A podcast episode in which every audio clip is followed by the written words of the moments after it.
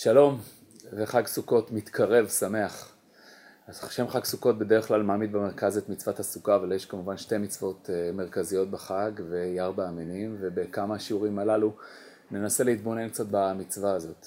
מצווה שכמה פעמים שמעתי מאנשים שלפעמים לא קל להם להתחבר אליה, כי יש בה משהו שמרגיש להם מאוד פולחני והם לא מבינים את כל הנענועים האלה והתזוזות הללו. ואנחנו ננסה בעזרת השם בשיעורים קצת להתבונן מתוך המקורות בתכנים ובמשמעויות וכמובן שלא נשלול את זה שפולחני על אדרבה נגיד שזה בדיוק העניין ולמה זה דבר מופלא ויש פה דבקות גדולה בקדוש ברוך הוא ונקווה בעזרת השם שנצליח להעמיד את המצווה הזאת במקומה ובכבודה הראוי. אז בואו נצא לדרך. סך הכל פסוק אחד בלבד, יש בכל התורה כולה לארבעת המינים. סוכות מופיע חמש פעמים בתורה, אבל רק פעם אחת מופיע בפסוק אחד החובה של ארבעת המינים בויקרא כ"ג, וכך הוא הפסוק: ולקחתם לכם ביום הראשון פרי עץ אדר, כפות תמרים, וענף עץ אבות, וערבי נחל, ושמחתם לפני אדוני אלוהיכם שבעת ימים.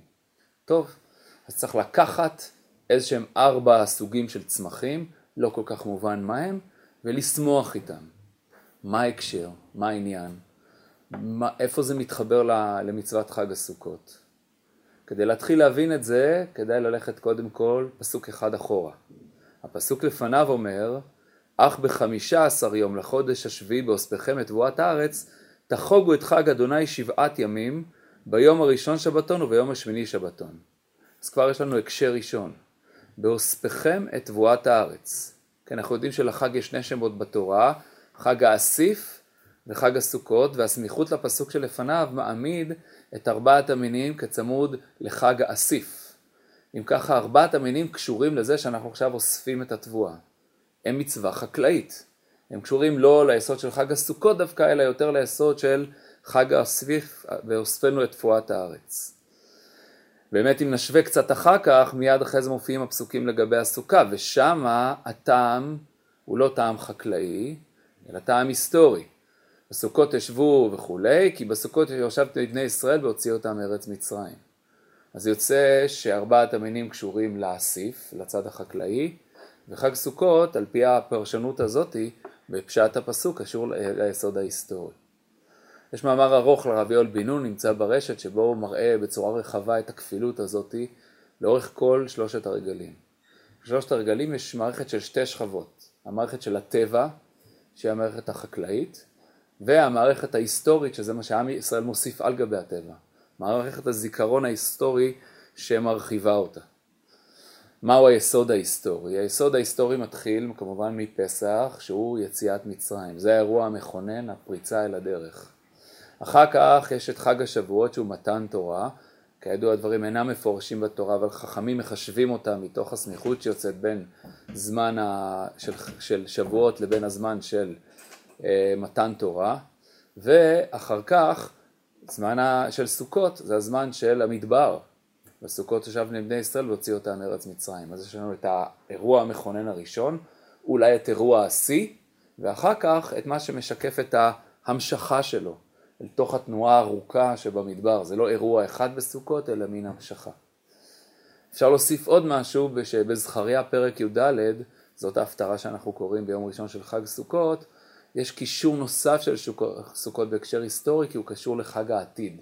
זה יהיה החג שבו יעלו מכל העמים אל בית המקדש בירושלים פעם בשנה.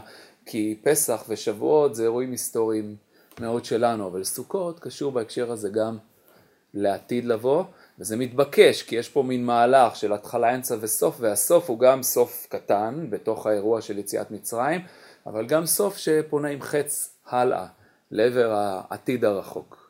אז זה הצד ההיסטורי. מה לגבי הצד החקלאי? פה זה קצת שונה. במה זה שונה? אז נתחיל מפסח. פסח יש לנו את קורבן העומר. אנחנו מתחילים את תקופת הקציר. מתחילים מהקציר הראשון וקציר השעורים. הנה החדש, התחלנו את הקציר של השנה החדשה. שבועות זה קורבן החיטים. ממשיך את תקופת הקציר, זה זמן הקציר, עיקרו של זמן הקציר, וזה הקורבן השני. וסוכות זה חג האסיף. הוא מסיים, אז יש לנו קציר שעורים, קציר חיטים ואסיף שנמצא בתוכו. גם כאן זה רצף, התחלה, שיא וסיום. רק עם הבדל, שהיסוד החקלאי הוא תמיד יסוד מעגלי. זה ההבדל בין היסוד ההיסטורי לבין היסוד הטבעי. היסוד ההיסטורי הוא קו. יש לו עבר, נקודת התחלה, יש לו הווה, איפה שאנחנו נמצאים, יש לו עתיד, לאן שאנחנו הולכים. יש פה איזה רצף. ההיסטוריה זה כניסתו של הקו אל תוך המעגל שיוצר איזה סיפור גדול שנבנה שלב על גבי שלב והולך הולך לקראת עתיד שלם יותר. בטבע אין קוויות, בטבע יש מעגליות, קיץ, חורף, סתיו, אביב, שאחד נגמר, השני מתחיל. אי אפשר לדבר על התחלה או סוף, כי בתוך המעגל כל נקודה היא התחלה או סוף. בני אדם יכולים לבחור נקודה מסוימת ולציין אותה כמתחילה או כמסיימת, אבל בעצם התנועה היא תנועה של מעגליות טבעית. לכן זה נכון שסוכות גם בהקשר של הטבע מסיים את התהליך, אבל בהקשר של הטבע הוא לא רק מסיים אותו, אלא גם מתחיל אותו. על סוכות נאמר חג האסיף בצאת שנה. זה שסוכות הוא בצאת שנה אגב זה מה שמנכיח את הכפילות של הלוח העברי. כי פסח הוא ראש חודשים וכל החגים הם על ציר החוד, חודשי הירח וממילא הם מייצרים את ציר החודשים, אבל ברגע שאומרים סוכות צאת שנה, באיזה מובן סוכות הוא צאת שנה? פשוט, שבארץ ישראל השנה החקלאית נגמרת בחודשים הללו, בסוכות. בגלל זה אנחנו חייבים לתאם ביניהם, בשביל שסוכות יהיה בצאת שנה, לאמור בזמן האסיף, לאמור בסופה של השנה החקלאית שבארץ ישראל, אנחנו צריכים שהוא יהיה בסתיו, כי זה בדיוק נקודת התפר. נגמר, אבל במקביל לזה שמסתיים, גם מיד מתחיל משהו חדש. זה באמת מעמיד את סוכות בעוד הקשר, כי דיברנו עכשיו על סוכות כמסיים את שלושת הרגלים, פסח, שבועות, סוכות, אבל סוכות מסיים גם את חגי תשרי. חגי תשרי הם חודש שלם שהוא חודש מעבר. הוא בעצם מסיים את השנה הקודמת, ואנחנו מבקשים סליחה ומכפרים ומתקנים את מעשינו, והוא גם פתיחה לשנה הבאה, וכל החודש הזה הוא זמן ביניים, שהוא גם סיום וסגירה וגם פתיחה, יש בו חג האסיף, אנחנו סוגרים את השנה שהייתה, יש בו גם חג המים, אנחנו מתפללים לקראת השנה שתהיה. אז אם באמת חג סוכות בהקשר הזה, הוא החג שאוסף אליו את הכל, החג שמסיים את שלושת התהליכים, את הסיפור ההיסטורי, פסח, שבועות, סוכות, את הסיפור החקלאי, אה, עומר, שתי הלחם וארבעת המינים, וגם את המהלך הפנימי של חגי תשרי כזמן המעבר שבין סיום השנה הקודמת לבין התחלת השנה הבאה. אפשר כבר פה לציין ממילא את המובנות של מנהגי ההקפות שיש לנו לאורך סוכות, שבאמת קשורים אל אותה מעגליות. לעשות סיבוב ועוד סיבוב ועוד סיבוב, וכמובן שכל סיבוב מבקש לתת תוכן נוסף, אבל יש פה איזה יסוד מעגלי שמבקש להנכיח את הנקודה הזאת, סיום שהוא מהווה גם התחלה חדשה. אוקיי? אז לאור הדברים הללו, ממילא אפשר לתת תוכן נוסף בארבעת המינים. לא רק שהם קשורים להסיף, אלא באמת בצורה פשוטה, ארבעת המינים הם ההמשך של העומר ושל שתי הלחם. בצורה מאוד ברורה, זאת אומרת אפשר להגיד הסוכה היא ההמשך של המצה, יציאת מצרים ההליכה במדבר, וארבעת המינים הם ההמשך של עומר ושתי הלחם, מהלך חקלאי לכל חג, יש את הצמח שלו, שאיתו אנחנו מבטאים את ההודעה לקדוש ברוך הוא. באמת אלה הם שני המרכיבים של החג, ההיסטורי בסוכה והחקלאי בארבעת המינים. אבל דווקא אם אנחנו מבינים את ארבעת המינים לאור הציר הזה, שהוא ציר מבני מאוד מאוד מסודר, כן? יש פה שלושה רגלים וכל אחד מהם יש לו את הכפילות הזאת, ועכשיו אנחנו מבינים את ארבעת המינים כהמשך של עומר ושל שתי הלחם, אז עכשיו חשוב להצביע על ההבדל. יש כמה וכמה הבדלים מאוד משמעותיים בין ארבעת המינים לבין עומר ושתי הלחם. מה ההבדל הבסיסי? עומר ושתי הלחם זה אוכל שמובא מהשדה לקדוש ברוך הוא. א', אוכל, ב', מהשדה, ג', מובא לקדוש ברוך הוא. אנחנו רואים את זה בעוד מצוות חקלאיות, זה ככה גם בביקורים, זה ככה גם במעשרות. יש לי שדה, שם נמצא מה שגידלתי, אני משייך אותו לעצמי ואני מרגיש איזו תחושת עוצמה ועושר ושפע, הנה הכל שלי, אני עוצר את התהליך הזה, הולך את החלקים הראשונים ביותר מהשדה שלי, את התחלת קציר השעורים, התחלת קציר החיטים, הביקורים שבכל צמחי אני קוטף, יוצא, הולך מהשדה, מביא אותם אל הכהן, הכהן מניף אותם כלפי הקדוש ברוך הוא, בנתינה לקדוש ברוך הוא, אני מבקש להזכיר לעצמי את גודל המתנה שקיבלתי, את השפע שאני צריך להודות עליו, מבקש להימנע מן הגאווה, להימנע מן השכחה, להחזיר את הכל אל מקומו הנכון. אבל באמת בהשוואה אם ככה לכל המצוות החקלאיות, זה מאוד בולט שארבעת המינים הם לא אוכל, וככל הנראה גם לא מהשדה. אז א' הם לא אוכל, כי רק אחד מארבעתם נאמר פרי עץ הדר, אז הוא באמת פרי, נדבר על זה עוד רגע. שלושת האחרים הם סוגים של ענפים, כפות תמרים, ענף עץ אבות, ערבי נחל, יש פה סוגים שונים של ענפים, הם בוודאי לא מאכל. גם ממילא כיוון שהם לא מאכל, סביר שהם לא גדלים בשדה של מישהו, כי לא כל כך ברור אם מגדלים אותם. אוכל זה לא. זה לא בדיוק משהו, אולי זה צמחי נוי. גם הלשון של הפסוק מגלה את זה. כי לא כתוב הבאה אל הכהן, שזה מה שקורה מהשדה, אני לוקח מהשדה ומביא אל הכהן. מה שכתוב הוא לקחתם לכם. אני צריך ללכת לאסוף את זה, זה לא נמצא אצלי, צריך ללכת לאסוף אותו מכל מיני מקומות כדי שזה יהיה בכלל אצלי. גם האתרוג שהוא כן פרי ובמובן הזה הוא כן שייך לקלאסי, זאת אומרת המאכל של השדה שלי שאני מביא אותו לקדוש ברוך הוא, גם בו יש הדגשה קצת אחרת. כי כתוב פרי עץ הדר, והדר זה יופי, יופי וכבוד, אנחנו מכירים והדרת פני זקן, שזה כבוד, אנחנו מכירים אה, בכור שורו הדר לו, אז זה איזה יופי מלכותי, אה, הדר כבוד מלכותיך, הוד והדר לבשת, המילה הדר מופיעה הרבה פעמים, היא תמיד קשורה ביופי וכבוד. אז הפרי, גם כשמוזכר כבר הפרי, הוא מוזכר מצד זה שיש בו יופי והדר, ולא מצד האכילה שיש בו. גם אולי מכאן נבין את התמר, סביב הפסוק צדיק התמר יפרח כארז בלבנון ישגה, אז את הקבלה בין שני, הפסוקים, בין שני החלקים, כארז בלבנון, מלמד שאולי גם החלק הראשון זה עיקר העץ, משהו שהוא גבוה, התמר הוא עץ גבוה וניכר מרחוק, צדיק התמר יפרח, ייראה מרחוק לכל מקום. זאת אומרת בכל החגים אנחנו מביאים אוכל מהשדה שלנו. עכשיו אנחנו לא מביאים אוכל ולא מביאים מהשדה, אנחנו מביאים צמחים מהטבע. צמחים שיש בהם נוי, צמחים שיש בהם ריח, ריח ביחד עם טעם לפעמים. זאת אומרת לא נכון לקרוא לזה מצווה חקלאית, אלא נכון לקרוא לזה מצווה טבעית. אנחנו אוספים מינים מהטבע ובאים עם הטבע לשמוח לפני ריבונו של עולם. אנחנו נרחיב בשיעורים הבאים על זה קצת יותר, אבל נוסיף שזה קשור בעוד ייחוד, שכיוון שזה מה שאנחנו עושים, אוספים מהטבע ולוקחים אלינו, אנחנו גם לא עושים את השלב הבא, אנחנו לא מביאים את זה לקדוש ברוך הוא במובן של לתת לכהן שמניף ושמקריב את זה באיזושהי צורה. אנחנו לוקחים את זה, שמחים לפני השם. זאת אומרת, אין פה נתינה שזה יוצא מאיתנו הלאה, אלא אנחנו שמחים עם זה. לוקח, לקחתם לכם ושמחתם לפני השם. לאסוף מן הטבע, לשמוח, על השמחה הזאת עוד נדבר, לשמוח לפני השם עם מה שיש בידינו. זאת אומרת, ארבעת המינים, אם ככה, הם גם המשך לעומר ושתי הלחם, וגם לביקורים, וגם למעשרות, ולכל מערכת הקורבנות החקלאיים, אבל מצד שני נבדלים מאוד. טבעיים ולא אוכל, ונדמה שהם יחידים במאפיינים האלה.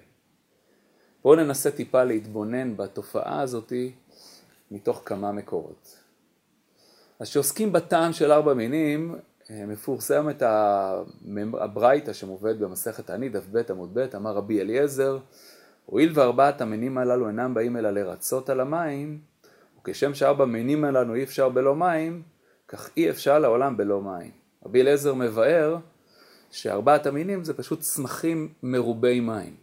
זה לא כל צמחי ארץ ישראל, בארץ ישראל יש הרבה צמחים בגלל מיעוט המים בארץ ישראל שאומנותם היא דווקא לדעת להסתפק במעט מים. אבל כאן מביאים דווקא צמחים שהם צמחים מרובי מים, כיוון שאנחנו עוסקים בחג המים ובתפילת המים. אנחנו מתפללים לאיזשהו שפע ואנחנו מביאים צמחים שקשורים בשפע המים. הרמב"ם במורה נבוכים, חלק ג', פרק מ"ג, מבאר כמה ביאורים, הוא מביא כך: והנראה לי בארבעת מינים שבלולב שהם שמחה בצאתה מן המדבר, אשר היה לא מקום זרע ותאנה וגפן ורימון ומים אין לשתות, אל מקום אילנות נותני פרי והנערות, לקח לזיכרון זה הנאה שבפירות האדמה, והטוב שבריחו, והיפה שבעלים, והטוב שבעשבים גם כן. רוצה לומר ערבי נחל. הרמב"ם מקשר את המצווה לכניסה לארץ ישראל. המדבר הוא מקום שאין בו אה, צמחים מרובי מים, ועם הכניסה לארץ ישראל רוצים לסמן את השפע של הארץ על ידי אילנות נותני פרי ונערות. לכן הנאה שבפירות האדמה, כן, היופי, הטוב שבריחו, היפה שבעלים, הטוב שבעשבים, זה העניין. העניין הוא לקחת משהו מיופי הטבע של ארץ ישראל. פרופסור יהודה פליקס בספר שלו, עצי הפרי למיניהם, צמחי התנ"ך וחז"ל, מרחיב את דברי הרמב"ם בצורה מאוד מעניינת. כי הוא טוען שלא סתם שזה צמחי, צמחים מרובי מים של ארץ ישראל, אלא גם שמשקפים ארבעה אזורי גידול שונים ברחבי הארץ. האתרוג זה גידולי השלכים, הפרדסים, ועיקרו הוא באזור השרון. הלולב זה העמקים החמים במקום שיש בו מעיינות למעלה, למטה וחום למעלה. אז זה העמקים. ההדס, הוא אומר, צריך את המקומות הגבוהים וההלכים, והערבה זה גדות נחלי האיתן. אני מבקש להגיד שיש פה איזה מין איסוף של כל אה, מרכיבי, אה, כל אזורי הגידול שיש בארץ, ואנחנו אוספים אותם אלינו אל פעולה אחת. זאת אומרת, ממש לקחתם לכם זה כאילו לאסוף. אם יש לנו פה ארבע מינים, אז אפשר להיזכר בפסוק של קיבצתי אתכם מארבע כנפות הארץ. אין לנו, פרץ הים וקדמה צפונה ונגבה, יש פה איזה ארבע כנפות, ואנחנו מלקטים את ארבע הכנפות ואוספים אותם אלינו. אפילו חשבתי על ציור שמישהו שעולה לרגל למקדש, ובדרכו אל המקדש הוא עושה מין טיול בכל הארץ. עובר דרך העמקים, לוקח לו משם לולב, עולה אל ההר, לוקח משם הדסים, יורד במורדות הנחלים, לוקח ערבות, מסיים בשרון, לוקח משם אתרוג מאחד הפרדסים, ואיתם עולה לירושלים.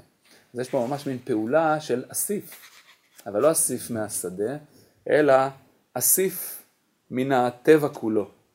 אז זאת מצווה שהיא שמחת הטבע של הארץ, לא שמחת השדה. שמחה של יופי ולא רק שמחה של קיום. בואו ננסה להתבונן בזה מזווית נוספת. נלך קצת אחורה לתחום אחר, היסטוריונים של אה, התקופות הקדומות טוענים היום שהיו שני שלבים ראשונים בהתפתחות של המין האנושי. השלב הקדום קוראים לו שלב הציידים מלקטים. בשלב הזה החברה האנושית מורכבת מקבוצות קטנות שניזונות מה, מהטבע על ידי איסוף של מה שיש בו. זאת אומרת לא מעבדים את הטבע אלא מסתובבים בתוכו ומלקטים, אוספים ממה שנמצא בתוכו של הטבע. בשלב מסוים חל מה שנקרא המהפכה החקלאית ומכל מיני סיבות, לא בהכרח ברורות, אנשים התחילו לגדל באופן יזום בשדות. ואם ככה, ככה, בשלב הזה זאת אומרת התחילו להיווצר יישובי הקבע ועכשיו התחילה לצמוח ציוויליזציה כמו שאנחנו מכירים אותה היום כי כשמגדלים שדה צריך לייצר סביבו הגנה ומקום יישוב והנה התחילה להתפתח ציוויליזציה שלמה. באופן מעניין ההבחנה הזאת היא מקבילה למסופר בספר בראשית, כי החלק של ציידים לקטים, צריך להגיד אולי לפי דיוק חכמים רק לקטים, הוא המציאות של גן עדן. המציאות של גן עדן זה שהטבע כולל בתוכו את כל מה שנחוץ לאדם. אדם לא צריך להפעיל מניפולציות על הטבע בשביל להפיק את מה שהוא צריך. כל מה שנמצא נוכח, פשוט צריך להושיט את היד ולקחת, להסתובב לפי העונות השונות, בזמנים השונים, ולקבל מכל מקום בטבע את מה ששייך בו ובזמנו. גם האנושות היא מאוד קטנה, כן? יש אדם וחווה, קבוצה קטנה, והטבע מספק בהקשר הזה את כל השפע שקיים. בשלב, בשלב מסוים ישנו החטא, אולי הוא קשור לתאווה, הוא קשור בוודאי לאיזה שינוי תודעה שמתרחש שמה, ומשם מגיע עונש. בזיעת אפיך תאכל לחם. מכאן יש שדה שצריך לעבוד אותו. הלחם הוא הסמל של הסיפור של השדה. כי הוא הפוך מהפרי, בגן עדן זה פרי, זה משהו שצומח בשדה ואני קוטף אותו ואוכל. אבל הלחם הוא הסמל של הדבר שלא אוכלים אותו כמות שהוא וגם לא כדי שהוא יצמח בכמות מספקת, אי אפשר לחכות שהטבע יעשה את זה לבד. אז עכשיו האדם פועל על הטבע כדי להפיק את מזונו, זורע וחורש וקוצר, וגם שכבר הטבע מפיק את המזון, הוא לא אוכל אותו כמות שהוא. הוא עושה תהליך שלם של עיבוד של הטבע, בשביל להתאים אותו לצרכים האנושיים המיוחדים שלו. ככה מתחילה להיווצר באמת תרבות. היא נוצרת מתוך הפעולה הזאת שהאדם פועל על הטבע, ובאמת התרבות הזאת יוצרת יצירות רבות, מאוד מפותחות ועשירות, היא מייצרת ערים ומייצרת ממלכות ומייצרת הרבה מאוד דברים, אבל יש לה גם מחיר, כי בעיבוד הזה של הטבע יש גם מאבק מול הטבע, יש גם איזו פעולה של ניצול מול, של, מול הטבע, פעולה שהטבע גם נלחם נגדה בחזרה בכלים שלו. ובתוך התהליך הזה שהאדם הופך להיות משהו שמשתלט על הטבע, שמאבד את הטבע, נוצרת זרות, נוצר מאבק, נוצ... והזרות הזאת הופכת להיות גם זרות פנימית. כאן מתחיל להיווצר איזה ריחוק בין האדם לבין הטבע, איזה ניגוד ביניהם.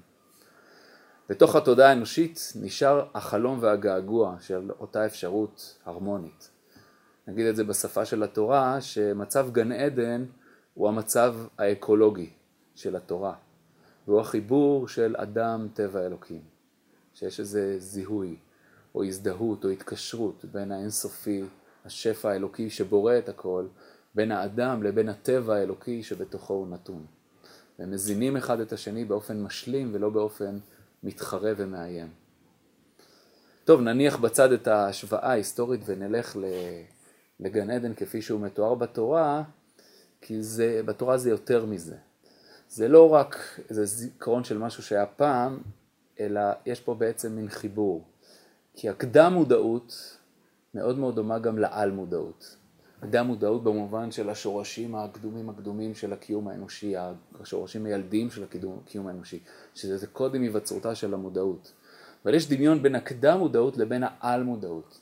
היכולת של האדם לטפס מהמודעות היומיומית שלו, שיש בה איזה פיצול פנימי, עץ הדעת טוב ורע, אל עבר מודעות שחוזרת מסופו של מעגל אל התאחדות, שבה הפיצולים האלה מתבטלים והשניות הזאת שהאדם של עץ הדעת טוב ורע יוצר, של הפיצול בין האדם לבין עצמו, בין האני לבין עצמי, בין האדם לבין הטבע, יכול ליצור חיבור מחודש. ולכן שיא המודעות, העל מודעות, דומה בהקשר הזה לקדם המודעות. וגן העדן משקף את החלום הזה כחלום קולקטיבי עמוק שנמצא בתוכנו.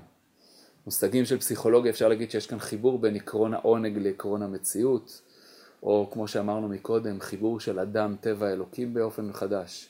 זאת אומרת, נגיד את זה בשפה של עבודת השם, יש פה חיבור בין הדבקות האלוקית לבין עונג הטבע הגשמי. הם הופכים להיות דבר אחד, כי האלוקי נמצא בתוך החיים של הטבע הגשמי, וכשהם נמצאים בצורה מחוברת ביחד, ממילא השניות הזאת יכולה להתאחד ולהגיע לאיזושהי שלמות, שלמות שהדברים מתקשרים בתוכה. בלשון התורה נאמר, זה חזרה אל עץ החיים במקום לעץ הדעת טוב ורע. התשתית של החיים היא התשתית שמזינה את הקיום, ולא התשתית של הדעת כמה שיוצר פיצול, רפלקטיביות וריחוק של האדם מן עצמו. טוב, אבל אנחנו גלינו כבר מגן עדן, ולחזור לשם לא באמת אפשר.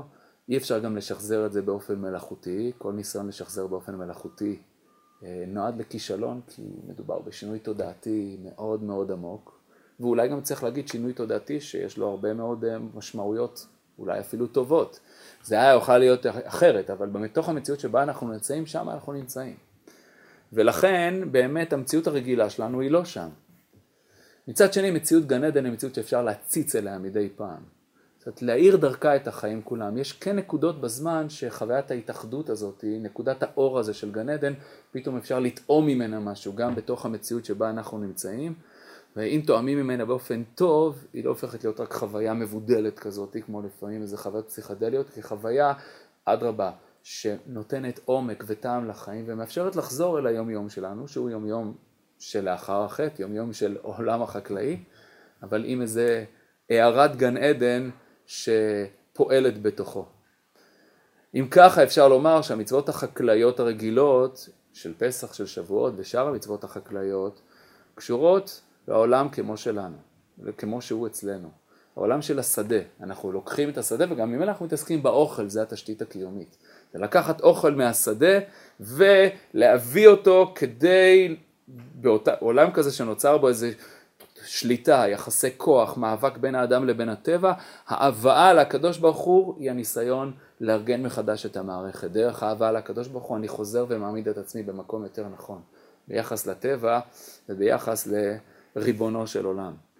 לכן כשאנחנו מדברים על האירועים המכוננים בפסח ובשבועות, האירועים שבהם מתחיל התהליך, אנחנו באמת נמצאים שם.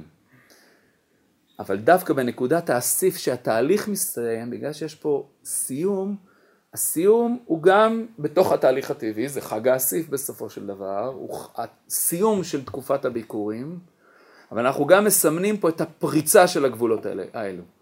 המצווה פורצת את הגבולות של השדה וגם את הגבולות הפונקציונליים של האכילה, והיא מבקשת את הטבע של עצמו, עם יופי, עם טעם, עם ריח, עם נוי, כמו בגן העדן. קולץ נחמד למראה וטוב למאכל. זה לא רק פונקציונלי, זה יפה, והאדם יכול להיות בתוכו בשלמות של שמחה. אז יש משהו אם ככה בסוכות שהוא קורבן, לא חקלאי, קורבן טבעי, שמבקש להצביע על אופציה נוספת של קשר האדם וטבע. לקחת את היופי, לאסוף אותו, ללקט אותו ולשמוח ביחד איתו לפני ריבונו של עולם. עכשיו אני כבר לא צריך לתת לקדוש ברוך הוא. הנתינה באמת משקפת את הבנת היחס ביני לבינו, אני נותן כי אני מחזיר לו כי הכל משלו. עכשיו אני לא מתבקש לתת, אני מבקש להיות, להיות בשמחה עם היופי הזה לפני ריבונו של עולם. לשמוח בדבר הזה.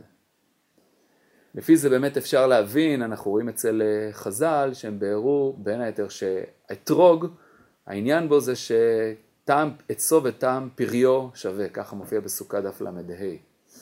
זה לא כל כך ברור לנו מה הכוונה, פרופסור זוהר עמר מסביר שבספר שלו ארבע מינים, שנהגו פעם לאכול את התמרות ואת הלולבים, ככה רואים בירושלמי בסוכה, הסוגיה שם דנה במי שאוכל חלקים אחרים מהעץ של האתרוג, מה בדיוק מברכים עליהם, אז נהגו כנראה היו חלקים רכים יותר שהיה ניתן לאכול אותם, ומבחינת חכמים היה פה טעם העץ כטעם הפרי, וזה כמובן נראה כמכוון אל המדרש המפורסם, שמדבר על זה שהמציאות לפני החטא, זה היה עץ פרי עושה פרי, שטעם העץ בו היה כטעם הפרי, ולבחור באתרוג זה לבחור בעץ שמצביע על אותה מציאות. מזווית אחרת, אה, יש מדרשים שאומרים שפרי גן העדן, עץ הדעת, היה בעצם אתרוג, גם בפירוש הרמב"ן על הפסוק שלנו בויקרא, הוא מכוון לשם.